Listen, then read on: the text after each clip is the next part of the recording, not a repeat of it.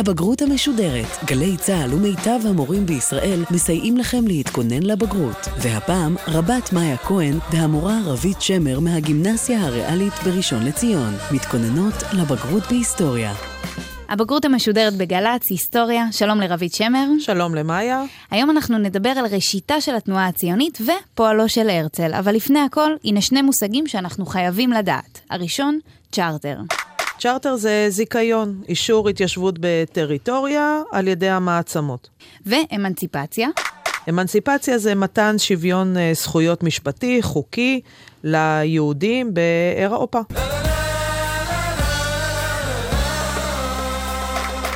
אוקיי, אז רבית, עד סוף המאה ה-19 העם היהודי בכלל היה מפוזר בכל ארצות העולם, דיבר שפות שונות. איך ממצב כזה מצליחים להקים ולארגן תנועה לאומית יהודית, שהיא בעצם התנועה הציונית? אז יש כמה גורמים לצמיחתה של התנועה הלאומית היהודית, התנועה הציונית, במאה ה-19. הגורם הראשון זה אכזבה מהאמנסיפציה. אז האמנסיפציה, אותו שוויון זכויות שהיהודים אה, קיבלו באירופה, מה שאומר שעכשיו היהודים הם אזרחים שווי זכויות, גרמה ליהודים להשתלב בחברה הכללית. אבל ההשתלבות של היהודים עוררה אה, עוינות כלפיהם. העוינות הזאת היא הפכה לשנאה ולאנטישמיות, ויצרה הרבה מאוד אה, מתח בין אה, יהודים ללא יהודים באירופה. ולכן היהודים אה, התאכזבו מהכישלון של האמנסיפציה. הם הבינו שתמיד הם ייתפסו זרים, לא שייכים, והם לא יכולים לסמוך על אה, אחרים שיפתרו את המצב שלהם, הם צריכים לפתור את הבעיה בעצמם, ולכן הלאומיות היהודית הייתה אחד הפתרונות שהיהודים מצאו. והגורם השני הוא האנטישמיות המודרנית. האנטישמיות המודרנית זה סוג חדש של אנטישמיות. זו אנטישמיות שמבוססת על uh, גזע. היהודי הוא נחות, היהודי הוא מסוכן, יש לו תכונות שליליות, והוא תמיד יישאר יהודי, גם אם הוא יחליף את דתו. אז איך האנטישמיות באה לידי ביטוי בהתארגנותה של התנועה הציונית? אנחנו מוצאים למשל אה, במערב אירופה מפלגות אנטישמיות, אה, הסתה בעיתונים כנגד היהודים, אה, קריקטורות. ובמזרח אירופה האנטישמיות באה לידי ביטוי בפוגרומים, בפגיעה פיזית ביהודים, למשל פוגרום סופות בנגב, פוגרום קישינייב, במזרח אירופה יש גם חקיקה נגד היהודים. אז בעצם האנטישמיות הבהירה ליהודים שהם לא יכולים להמשיך לחיות באירופה, הם לא שייכים, ולכן הם צריכים למצוא אה, פתרון, מדינה משלהם, ששם הם ירגישו שייכים, גאים, ולא ירגישו יותר אה, דחויים ומושפלים. גורם נוסף הוא השפעת אה, הרעיונות של תנועות ההשכלה, החילון והתפרקות הקהילה היהודית. בחברה היהודית צמחה שכבה של משכילים יהודים. שקראה בעצם אה, לנטוש את אותה תפיסת עולם אה, דתית, שהגאולה אה, של העולם היהודי תבוא מידי שמיים. רעיונות ההשכלה שמו אה, במרכז את האדם, את החירות של האדם. ותהליך החילון שחל גם בחברה הכללית, התפתח גם בחברה היהודית.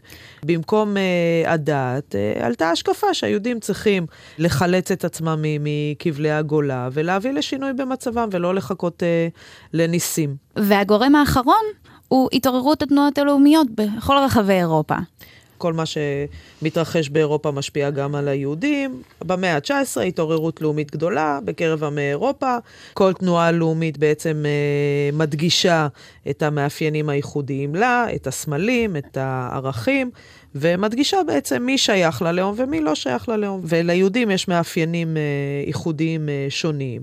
והם לכן הרגישו זרים ולא שייכים, והם הבינו שהם לא יכולים להשתלב במאבקים הלאומיים במדינה שבה הם גרים, כי הם לאום בפני עצמו, ולכן הם צריכים אה, להיאבק על המטרות שלהם. מה גם שהיהודים אה, ראו בהצלחה של המאבקים הלאומיים אה, באירופה, ושאפו להצליח אה, גם כן. אז כל אלה היו הגורמים להתארגנותה של התנועה הציונית כתנועה הלאומית של העם היהודי. Uh, עכשיו, הרצל הגדיר מאוד uh, בבירור מהי בעיית העם היהודי ומהו הפתרון לבעיה. כן, הרצל בשנת 1896 אה, מפרסם ספר בשם מדינת היהודים, שבו הוא מציג את הרעיונות שלו בנוגע לבעיה היהודית ומציע דרכי פתרון. הוא מדבר על הבעיה, בעיית הקיום של העם היהודי בגולה, שלדעתו זו בעיה לאומית מצד אחד ובעיה בינלאומית מצד שני. הבעיה היא לאומית כי העם היהודי הוא לאום שחי בתוך לאומים אה, אחרים, אבל חסרים לו את אה, שני המרכיבים העיקריים של הלאום, טריטוריה ושלטון. היהודים הם אה, לאום זר, העמים שבתוכם אה, חיים היהודים הם אה, אנטישמיים, ולכן אה, הרצל גם חושב שהבעיה של היהודים היא בעיה בינלאומית. ומה הפתרון שהרצל מציע לבעיה? הרצל רואה את הבעיה כבעיה לאומית, ולכן הפתרון שהוא מציע הוא פתרון לאומי. פתרון לאומי משמעו מדינה. היהודים צריכים uh, להתיישב בטריטוריה, טריטוריה משלהם. Uh, אגב, הרצל לא אומר דווקא את ארץ ישראל. הוא לא. פשוט אומר טריטוריה. נכון, הרצל uh, בספר uh, מציע את uh, פלסטינה, ארץ ישראל, או uh, ארגנטינה. והוא מאמין שגם לעמים יש אינטרס לפתור את הבעיה של היהודים, כי ברגע שליהודים תהיה מדינה משלהם, הם אה, יעזבו את המדינות שבהם אה, הם חיים. אבל הדבר הכי חשוב להרצל, שהכל יקרה תוך הסכמה של המעצמות. התנאי הראשון של הרצל להתיישבות אה, יהודית בטריטוריה זה צ'רטר, האישור של המעצמות להתיישבות יהודית בטריטוריה. אז בואי נדבר קצת על הרצל. הרצל נולד ב-1860 בבודפסט שבהונגריה, להורים משכילים, חילונים ומתבוללים. כן, המשפחה של הרצל הייתה משפחה אה, מתבוללת, הוא היה רחוק מאוד מכל מה שקשור ביהדות. לאחר שסיים את אה, לימודיו התיכוניים, הוא למד משפטים אה, בווינה, וכבר שם הוא נתקל באנטישמיות מצד הסטודנטים. הוא אמנם למד משפטים, אבל לא עסק במשפטים, הוא עבד כעיתונאי באחד העיתונים בווינה, ואותו עיתון שלח אותו לפריז. ככתב לסקר את uh, משפט דרייפוס. דרייפוס היה קצין יהודי בצבא הצרפתי שהואשם בבגידה. המשפט uh, עורר אנטישמיות שבאה לידי ביטוי בהפגנות סוערות נגד היהודים. זה בעצם היה אחד הגורמים הראשונים שעוררו את הרצל למציאת פתרון לבעיה היהודית בגולה. הוא הבין שמאה שנות אמנסיפציה לא uh, שינו את מצבם של היהודים, ולכן מתחיל uh, לפעול למען uh, מציאת פתרון לבעיית היהודים באירופה, שהיא האנטישמיות. ולשם כך הוא מכנס את הקונגרס הציוני הראשון. 60 שניות על הקונגרס הציוני הראשון. עוד לפני שהפך למנהיג התנועה הציונית, הרצל פעל רבות לצורך קבלת תמיכה בתנועה הציונית משליטי מעצמות העולם. רוב ניסיונותיו ודיפלומטים נכשלו, אך למרות זאת הוא יצר רושם בעולם היהודי והתקבל בהתלהבות גדולה על ידי המוני היהודים בשוויץ. בעקבות כל אלה, הבין הרצל כי עליו לכנס אירוע מרשים שיעורר את דעת הקהל היהודית והעולמית בעד התנועה הציונית, ויגדיר אותה כתנועה לאומית המונית. הקונגרס הציוני הראשון התכנס בעיר באזל שבשוויץ ב-27 באוגוסט 1897. הקונגרס נמשך כשלושה ימים, ואליו הגיעו כ-200 נציגים מרחבי העולם. מטרת הקונגרס הייתה ליכוד היהודים סביב הרעיון הציוני ויצירת הנהגה ציונית שתוביל את הגשמת הרעיון. בסוף הקונגרס התקבלה תוכנית באזל, שקבעה מהי המטרה של התנועה הציונית ומהן הדרכים להשגתה. תוכנית באזל היא בעצם מצע התנועה הציונית שגובש במהלך הקונגרס הציוני הראשון. תוכנית באזל התנועה הציונית שואפת לרכוש לעם היהודי בית מולדת בארץ ישראל על פי משפט הכלל. קידום ענייני של התיישבותם בארץ ישראל של חקלאים, פועלים ובעלי מלאכה יהודים. ארגונה וריכוזה של היהדות כולה באמצעות אירועים וגופים מתאימים, מקומיים וכלליים, לפי חוקי כל מדינה. הגברת הרגש הלאומי וההכרה הלאומית היהודית. פעולות ההכנה לשם קבלת ההסכמות של ממשלות הנחוצות כדי להשיג את מטרת הציונות. עוד הוחלט בקונגרס באזל אה, להקים מספר ארגונים שיסייעו בהקמת המדינה. אז המוסדות היו מוסדות מארגנים, מממנים ומיישבים. כן, מוסדות מארגנים זה בעצם מוסדות לקבלת החלטות, ענייני חקיקה, תקציב, קביעת מדיניות, למשל ההסתדרות הציונית והקונגרס הציוני. מוסדות אה, מממנים, המטרה שלהם זה בעצם להשיג את הכספים לקניית אדמות והתיישבות יהודית בארץ ישראל, כמו למשל בנק אנגלו-פלסטינה, ומוסדות אה, מיישבים, לדוגמה אה, קרן קיימת לישראל והמשרד הארץ-ישראלי. שהם בעצם אחראים על קניית אדמות אה, ולהכשיר... אה, פועלים חקלאים. נכון. מעולה. אז בואי נדבר קצת על הפעילות הדיפלומטית שהרצל עשה, הוא עשה לא מעט. הרצל נפגש עם uh, שליטים מכל רחבי העולם כדי לבקש מהם בעצם את התמיכה בתנועה הציונית ובהקמת המדינה. הציונות המדינית של uh, הרצל מדברת על uh, תנאי ראשון להתיישבות יהודית בטריטוריה, זה בעצם אישור העמים, הצ'רטר. כדי uh, להשיג את הצ'רטר, uh, הרצל... פעל אה, פעילות דיפלומטית, שהוא נפגש בעצם עם אה, אה, מדינאים כדי להשיג מהם את אותו צ'רטר. אז המדינה הראשונה שהרצל פונה אליה? הרצל פונה לקיסר הגרמני, כי גרמניה היא בת ברית עם האימפריה העות'מאנית, אותה אימפריה ששולטת באותה תקופה בארץ ישראל. והרצל מנסה לשכנע את הקיסר הגרמני מה היתרונות לגרמניה באישור uh, הצ'רטר. הוא בעצם מציג לכל אחד מהשליטים שהוא נפגש איתם את האינטרסים שלהם לתמוך ביהודים. כן, למשל uh, לקיסר הגרמני הרצל uh, נותן uh, שני טיעונים. הטיעון הראשון זה אם יקום מרכז יהודי בארץ ישראל בתמיכת גרמניה, זה ישרת את האינטרסים של גרמניה באזור. המרכז היהודי יהיה נאמן לגרמניה ויחזק את ההשפעה הגרמנית במזרח התיכון. הטיעון השני שהרצל אה, מציג בפני אה, הקיסר הגרמני, זה שברגע שהיהודים יצאו אה, מאירופה בכלל ומגרמניה בפרט, זה יפתור את בעיית האנטישמיות בגרמניה. אבל למרות שהרצל התרשם שהקיסר מתעניין, הקיסר בעצם דחה את כל הניסיונות של הרצל לקבל uh, צ'רטר על ארץ ישראל, כי הוא כנראה רצה לשמור uh, על היחסים ועל הקשרים בין גרמניה והאימפריה העות'מאנית. אז הוא עובר לפעול מול הסולטן הטורקי. כן, הרצל מחליט uh, לפנות uh, באופן ישיר לסולטן הטורקי, ללא uh, מתווכים, וב-1901 הוא מצליח להגיע לראיון אצל הסולטן הטורקי, עבדול חמיד השני. הוא uh, מוצג בפני הסולטן העות'מאני כמנהיג יהודי וכעיתונאי, ולא כמנהיג ציוני. הוא בעצם לא בא כראש התנועה הציונית. הוא בא uh, כמנהיג יהודי ועיתונאי.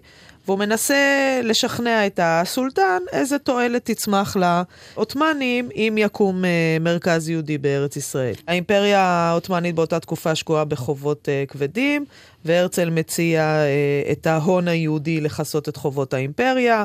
הוא מציע שהמרכז היהודי שהתפתח בארץ ישראל יוביל לפריחה של האזור כולו. אז המשא ומתן עם הטורקים התנהל במשך כשנתיים. בסופו של דבר, הוא לא הצליח לקבל מהם צ'רטר, הוא קיבל איזושהי הצעה שהיהודים יתיישבו באימפריה הטורקית, אבל הוא לא רצה את זה. הטורקים בעצם הציעו התיישבות יהודית מפוזרת ברחבי האימפריה, אבל לא להתיישבות בארץ ישראל. וזה כמובן לא מה שהרצל רצה. כישלון נוסף של הרצל בפעילות הדיפלומטית. אז הוא עבר למשא ומתן מול בריטניה. המשא ומתן עם אה, בריטניה היה בעקבות גירוש מוסקבה ופרעות קישינייב. כשלבריטניה הגיעו כמאה אלף פליטים אה, יהודים. הפרלמנט הבריטי אפילו הקים ועדה שבחנה את אה, בעיית ההגירה ממזרח אירופה לבריטניה, והזמינה את הרצל להעיד בפני הוועדה. בעדות שלו הרצל אה, ממליץ על אה, בחירת טריטוריה לעם היהודי באזורים שקרובים לארץ ישראל, שנשלטים על ידי האימפריה הבריטית, כמעין אה, מקלט אה, זמני.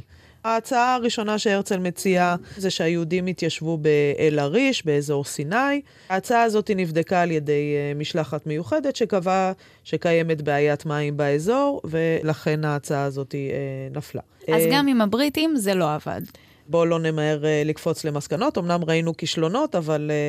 Uh, תכף נ... תבוא ההצלחה. כן, הרצל, uh, אחרי הכישלונות שלו והניסיונות להשיג צ'רטר, מגיע לקונגרס הציוני השישי, אחרי שהוא ביקר ברוסיה. ושם ראה את uh, נפגעי פוגרום קישיניה, והבין שחייבים להוציא באופן דחוף את היהודים מרוסיה.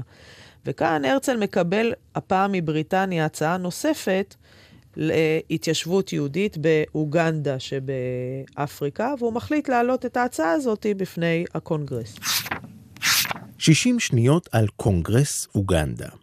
בשנת 1903 קיבל הרצל הצעה משר המושבות הבריטי לקבלת שטח בחכירה במזרח אפריקה, בו יוכלו היהודים להקים מושבה יהודית ולנהל שלטון עצמי. הרצל העלה את ההצעה לדיון בקונגרס הציוני השישי, קונגרס אוגנדה, והדבר יצר ויכוח שפילג את העם היהודי לשתי קבוצות, בעד ונגד ההתיישבות באוגנדה. התומכים בהצעה טענו כי אוגנדה תשמש מקלט מיידי ליהודים החווים גל רדיפות באירופה, כפתרון זמני בלבד עד לקבלת הצ'רטר על ארץ ישראל. טיעון נוסף היה היתרון בריכוז העם היהודי בטריטוריה אחת, במטרה לכך שיהודים ילמדו לחיות כעם בעל מדינה עצמאית. בנוסף לכך נטען כי היהודים צריכים להכיר תודה לבריטניה על ההצעה ולקבלה. לעומת זאת, המתנגדים להצעה טענו כי תוכנית באזל חייבת להתממש רק בארץ ישראל ולא במקום אחר, וחששו כי פתרון זמני יהפוך בסופו של דבר לפתרון קבע. עוד נטען כי בריטניה עלולה לשנות את עמדתה כלפי ההתיישבות באוגנדה בעתיד, ובמקרה כזה, כל המשאבים שיושקעו באוגנדה ירדו לטמיון. בסופו של הדיון התקיימה הצבעה, בה רוב המצביעים היו בעד ההצעה. למרות זאת, ההצעה לא מומשה, זאת בעקבות החלטת המשלחת של התנועה הציונית, שקבעה כי האזור אינו ראוי למגורים, ובעקבות מותו הפתאומי של הרצל. אז בואי נסכם בקצרה את כל הפעילות הדיפלומטית שהרצל עשה מול השליטים. אז המטרה של הפעילות הדיפלומטית של הרצל היא השגת צ'רטר, אישור המעצמות להתיישבות יהודית בארץ ישראל. ראשית, הוא פונה לקיסר הגרמני, שנמצא בקשרים טובים עם האימפריה העות'מאנית, ששולטת בארץ ישראל. לאחר כישלון המגעים הדיפלומטיים עם גרמניה, מחליט לפנות ישירות לסולטן הטורקי, העות'מאני, שהאימפריה העות'מאנית היא בעצם השליט החוקי בארץ ישראל באותה תקופה. גם כאן יש כישלון בהשגת הצ'רטר. פנייה לבריטניה מגיעה בעקבות פוגרום קישינייב והצורך המיידי להציל יהודים אה, מרוסיה, כשבריטניה מציעה להרצל את אה, הצעת אוגנדה.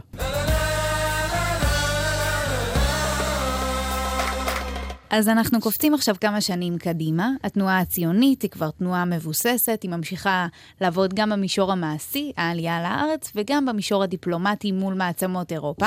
ואז פורצת מלחמת העולם הראשונה, בשנת 1914, והתנועה הציונית מתחילה להיתקל בדילמה. במי לתמוך? במלחמת העולם הראשונה אירופה אה, חולקה לשני מחנות אויב. מחנה אחד, מדינות המרכז, מובילה אה, גרמניה והאימפריה העות'מאנית. והמחנה השני, מדינות ההסכמה, מובילה אותה אה, בריטניה, ועם פרוץ המלחמה עמדה התנועה הציונית בעצם בפני דילמה. במי מהצדדים לתמוך, האם במדינות המרכז או במדינות ההסכמה? מה היו האינטרסים של היהודים לתמוך בכל אחד מהצדדים? תמיכה במדינות המרכז יכולה באמת אה, לסייע לעניין הציוני. העות'מאנים, אה, שהם אה, חלק מגוש מדינות המרכז, הם שולטים בארץ ישראל, הם בעלי ברית של הגרמנים במלחמה, יש אה, סכנה אה, וחשש לחיי אה, היהודים פה בארץ ישראל.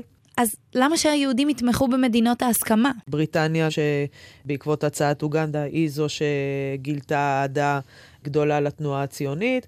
והייתה תקווה בקרב הציונים שאם בריטניה תנצח במלחמה, היא תסייע להקמת בית לאומי יהודי בארץ ישראל. אבל בסופו של דבר העמדה של התנועה הציונית הייתה ניטרלית.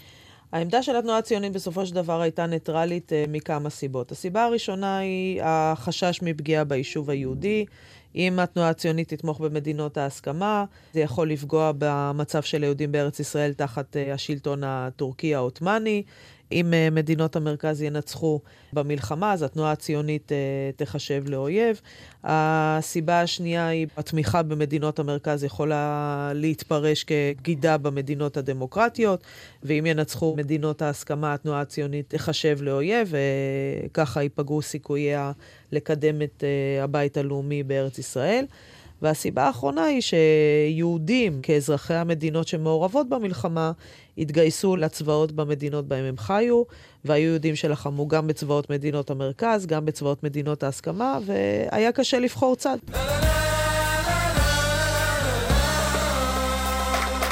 ובואי נדבר עכשיו על מצב היישוב היהודי בזמן מלחמת העולם הראשונה. היישוב היהודי בזמן מלחמת העולם הראשונה סבל ממשברים רבים. המשבר הראשון הוא משבר כלכלי. בזמן מלחמה אה, נסגרו נמלי ארץ ישראל, נותק הקשר עם אה, אירופה, נוצר מחסור חמור מאוד במוצרי תעשייה, במצרכי מזון, הייצוא נפסק ובעקבות כך אה, גדלה מאוד אה, האבטלה. היישוב שהיה תלוי הרבה בכספי uh, תרומות, התרומות האלה בעצם uh, פסקו מלהגיע. וחוץ מזה, העות'מאנים הטילו כמה גזרות על היהודים. השלטון העות'מאני uh, רצה לחסל את השאיפות הלאומיות של היהודים בארץ ישראל. המלחמה בעצם החריפה את היחס השלילי כלפי היישוב היהודי בארץ ישראל. אה, הציונות נתפסה אה, כגורם עוין בגלל הקשרים של התנועה הציונית עם אה, בריטניה, ולכן השלטון העות'מאני הטיל גזרות קשות על היישוב היהודי. מה היו הגזרות האלה? קודם כל, גזרות כלכליות. על היישוב היהודי אה, הוטלו מיסים כבדים כדי לסייע למאמץ המלחמתי, החרמה של אה, רכוש, אה, בהמות. גזרות נוספות היו גזרות שבאו במטרה לחסל את הציונות, את הלאומיות היהודית. למשל, איסור שלטים בעברית. איסור להשתמש בשמות עבריים ברחובות בתל אביב. נאסרה כל פעילות ציונית. ארגון השומר הצטווה להתפרק. גזירה נוספת היא אה, גירוש. יצאה פקודה מהמושל הצבאי, העות'מאני, לגרש את כל אה, נתיני האויב. יהודים חויבו אה, להתאטמן, לקבל על עצמם אזרחות עות'מאנית ולהתגייס לצבא. יהודים שסירבו נאלצו אה, לעזוב את הארץ ורובם אה, גורשו למצרים. רוב מנהיגי היישוב אה, גורשו למצרים. ופקודת אה, גירוש לתושבי אה, יפו, שיצאה באפריל 1917. כ-5,000 איש מתל אביב ויפו נשלחו אה, לצפון ברגל. הרעב, הקור, המחלות גרמו לאבדות רבות, כאשר uh, בעצם מטרת השלטון העות'מאני הייתה לסיים את הנוכחות הציונית בארץ ישראל. אז אחד הביטויים להתנגדות היישוב היהודי למדיניות השלטון העות'מאני היה הקמת ארגון ריגול, ששמו ארגון נילי. 60 שניות על פרשת נילי. בשנת 1915 החליטו אהרון אהרונסון ואבשלום פיינברג לפעול להפלת השלטון הטורקי בארץ. לשם כך הם הקימו את ארגון נילי, נצח ישראל לא ישקר. הארגון עסק בריגול למען הצבא הבריטי, וחבריו פעלו בתקווה שהבריטים יכבשו את הארץ ויסייעו ליישוב היהודי לאחר המלחמה. נילי הצליחה להעביר ידיעות מהימנות לבריטים על המצב בארץ, ודרכם הפיצו בעולם את הידיעות על סבל היהודים בארץ מרדיפות הטורקים.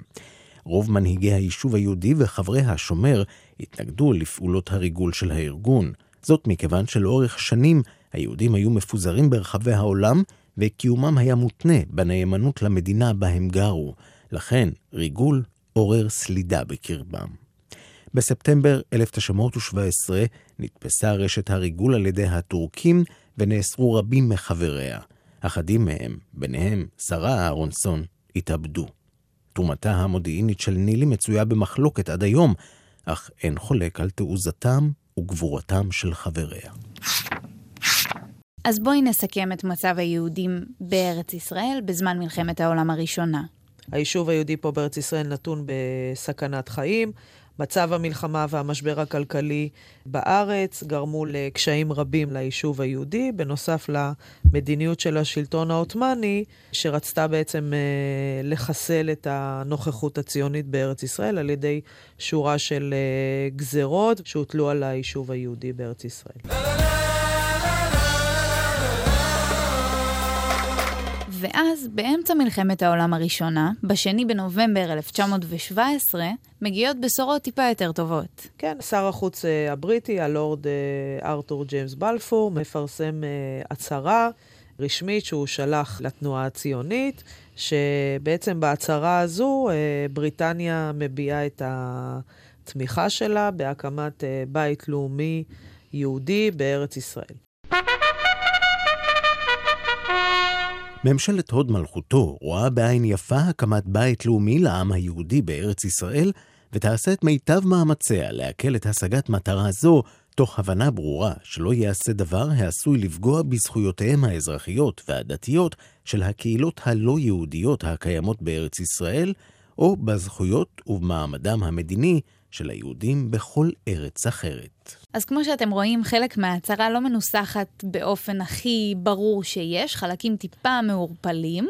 בואי תספרי לי על הקשיים בניסוח ההצהרה. יש מילים וביטויים uh, בהצהרה שהם אינם חד משמעיים והם נתונים לפרשנויות שונות. למשל, המושג בית לאומי. מעורפל מדי, לא ברור האם הכוונה למדינה יהודית עצמאית, או רק לסוג של אוטונומיה יהודית בחסות בריטית. והבריטים בעצם עושים את זה כדי שהיהודים לא יוכלו לבוא אחר כך בטענות ולהגיד שהבריטים הבטיחו להם מדינה. כן, למשל אה, ביטויים כמו רואה בעין יפה, לא בדיוק אה, ברור. למה הכוונה, לא קובע באופן חד משמעי שבריטניה מתכוונת לנקוט צעדים להשיג את המטרה, רק שהיא אוהדת הרעיון. הביטוי תעשה את מיטב מאמציה, לא ברור אה, איך אה, מודדים או איך ימדדו את המאמצים האלה, כמה מאמצים היא תעשה, באיזה אופן היא תסייע.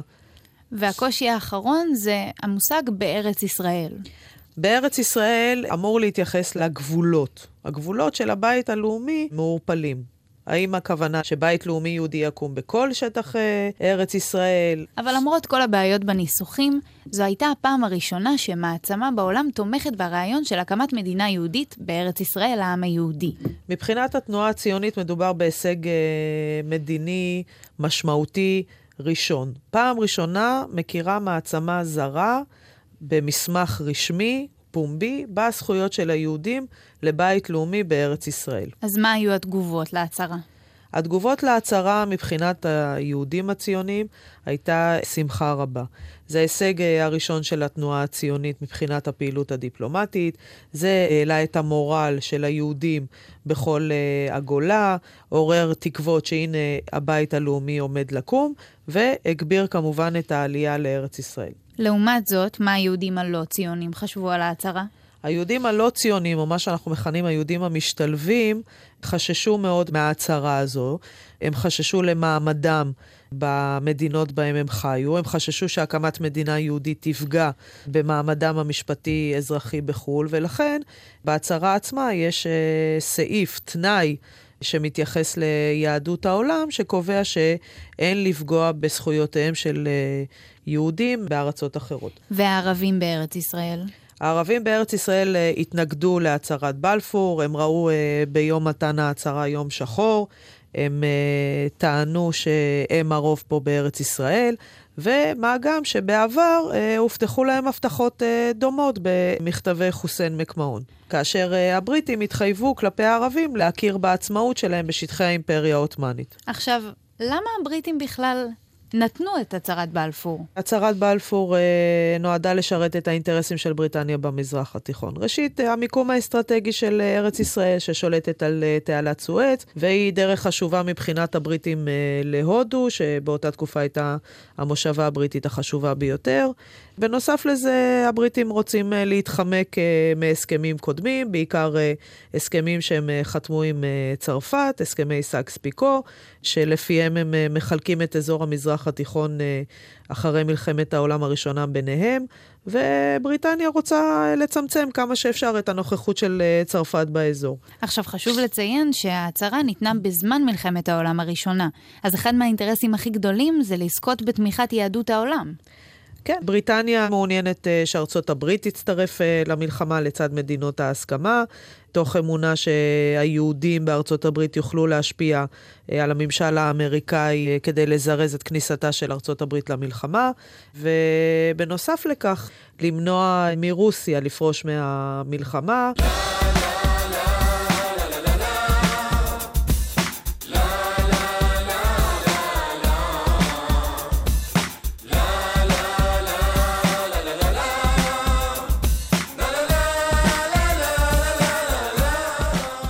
נעשה סיכום כללי על כל מה שלמדנו בפרק האחרון. קודם כל, דיברנו על הגורמים להקמתה של התנועה הציונית.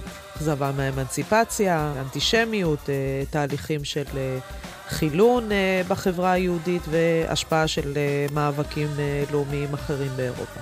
דיברנו על הקונגרס הציוני הראשון ותוכנית באזל. הרצל מכנס את הקונגרס הציוני הראשון בבאזל, הופך למנהיג התנועה הציונית. ובתום הקונגרס מתקבלת החלטה, תוכנית באזל, שמגדירה את uh, מטרתה של uh, התנועה הציונית ואת uh, האמצעים למימושה. והרצל עושה לא מעט פעילויות דיפלומטיות. כן, אחד האמצעים למימוש המטרה, שזה הקמת בית לאומי לעם היהודי בארץ ישראל, זה הפעילות הדיפלומטית, השגת צ'רטר לאישור העמים להתיישבות בטריטוריה, והרצל פועל במישור הדיפלומטי כדי להשיג את אותו צ'רטר. הוא נפגש עם uh, קיסר גרמניה, הסולטן הטורקי ועם בריטניה. עם הקיסר הגרמני והסולטן העות'מאני uh, הוא נוחל uh, כישלון בפעילות הדיפלומטית. בריטניה מציעה להרצל את הצעת אוגנדה, שבסופו של דבר, uh, לאחר מותו של הרצל, יורדת מסדר היום של התנועה הציונית. חוץ מזה, דיברנו על עמדת התנועה הציונית כלפי הצדדים הלוחמים במלחמת העולם הראשונה, שבסופו של דבר הייתה ניטרלית. עם פרוץ מלחמת העולם הראשונה, התנועה הציונית עמדה בפני דילמה, במי מהצדדים לתמוך, האם במדינות המרכז או במדינות ההסכמה. העמדה הרשמית בסופו של דבר הייתה ניטרלית. גם דיברנו על היישוב היהודי בארץ ישראל בזמן המלחמה. היישוב היהודי בזמן מלחמת העולם הראשונה אה, נמצא בסכנת חיים וסובל מגזרות של השלטון העות'מאני כלפי היישוב היהודי, ואחת הדרכים להתמודד עם המדיניות של השלטון העות'מאני היא הקמת אה, ארגון ריגול יהודי בשם נילי. ובסופו של דבר, הצהרת בלפור. הצהרת בלפור, שמתפרסמת בזמן המלחמה ב-1917. בריטניה מביעה אה, תמיכה, אהדה, בזכות של היהודים אה, להקים מדינה בארץ ישראל. דיברנו על הקשיים שעולים מנוסח ההצהרה, על התגובות להצהרה ועל האינטרסים של בריטניה בפרסום ההצהרה.